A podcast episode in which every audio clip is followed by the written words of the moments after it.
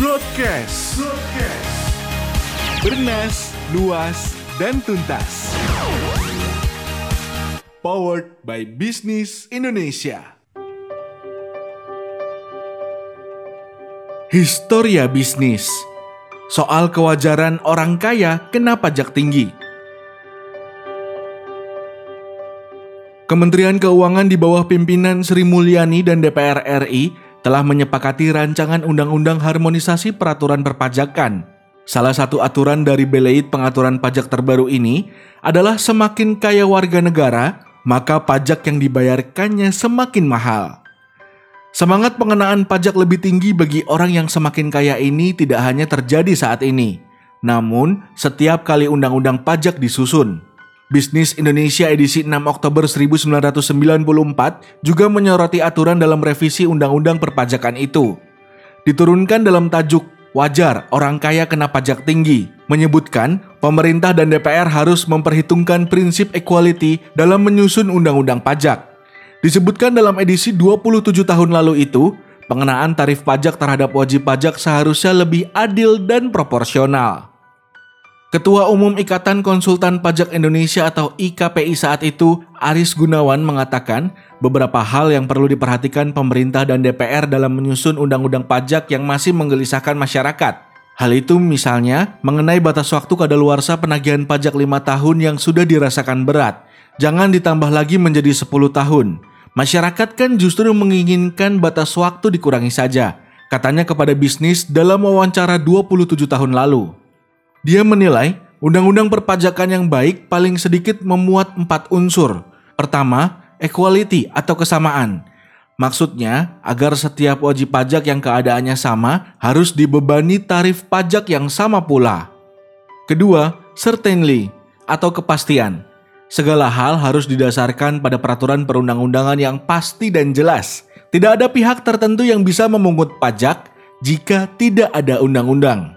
Selanjutnya, ketiga, convenience atau kemudahan. Orang yang dikenakan pajak haruslah mereka yang benar-benar memiliki uang atau penghasilan.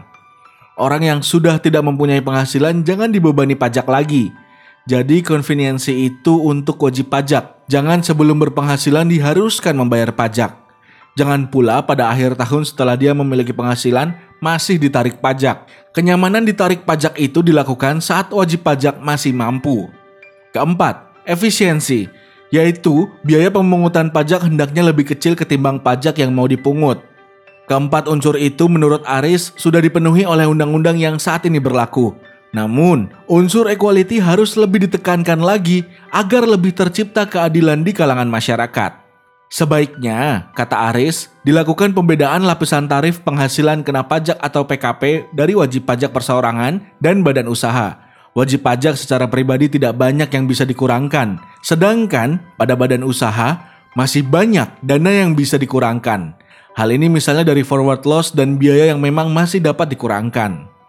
Di luar negeri, lanjutnya, wajib pajak perorangan dikenakan pajak dengan tarif yang jauh berbeda dari tarif pajak badan usaha. Dia menilai wajar bila orang kaya dikenai tarif hingga 50%. Besarnya penghasilan perseorangan tidak akan sama dengan penghasilan bentuk badan usaha yang miliaran.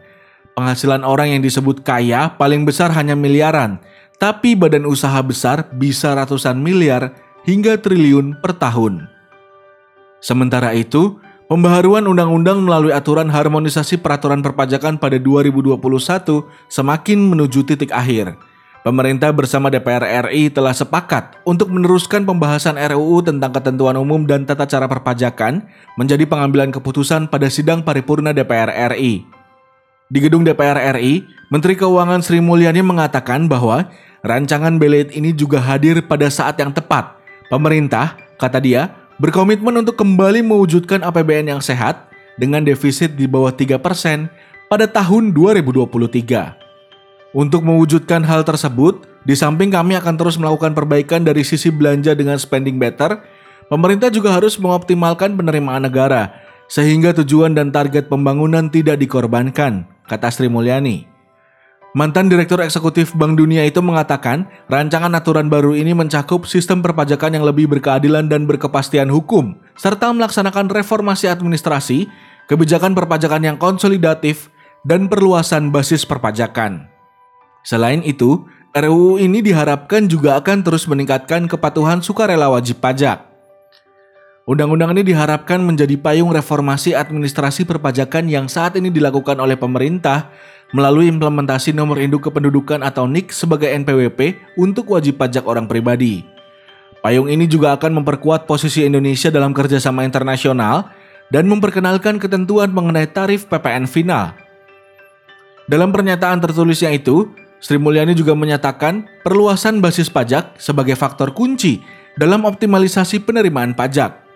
Pengaturan kembali tarif PPh orang pribadi dan badan, penunjukan pihak lain untuk melakukan pemotongan, pemungutan, penyetoran, dan atau pelaporan pajak, pengaturan kembali fasilitas PPN, kenaikan tarif PPN, implementasi barang karbon dan perubahan mekanisme penambahan atau pengurangan jenis barang kena cukai. Aturan baru ini memberikan manfaat dalam membangun sistem perpajakan yang adil, sehat, efektif, dan akuntabel untuk menjaga kepentingan Indonesia hari ini dan ke depan. Implementasi berbagai ketentuan yang termuat dalam RUU tersebut diharapkan akan berperan dalam mendukung upaya percepatan pemulihan ekonomi dan mewujudkan perekonomian yang berkelanjutan tutup Sri Mulyani.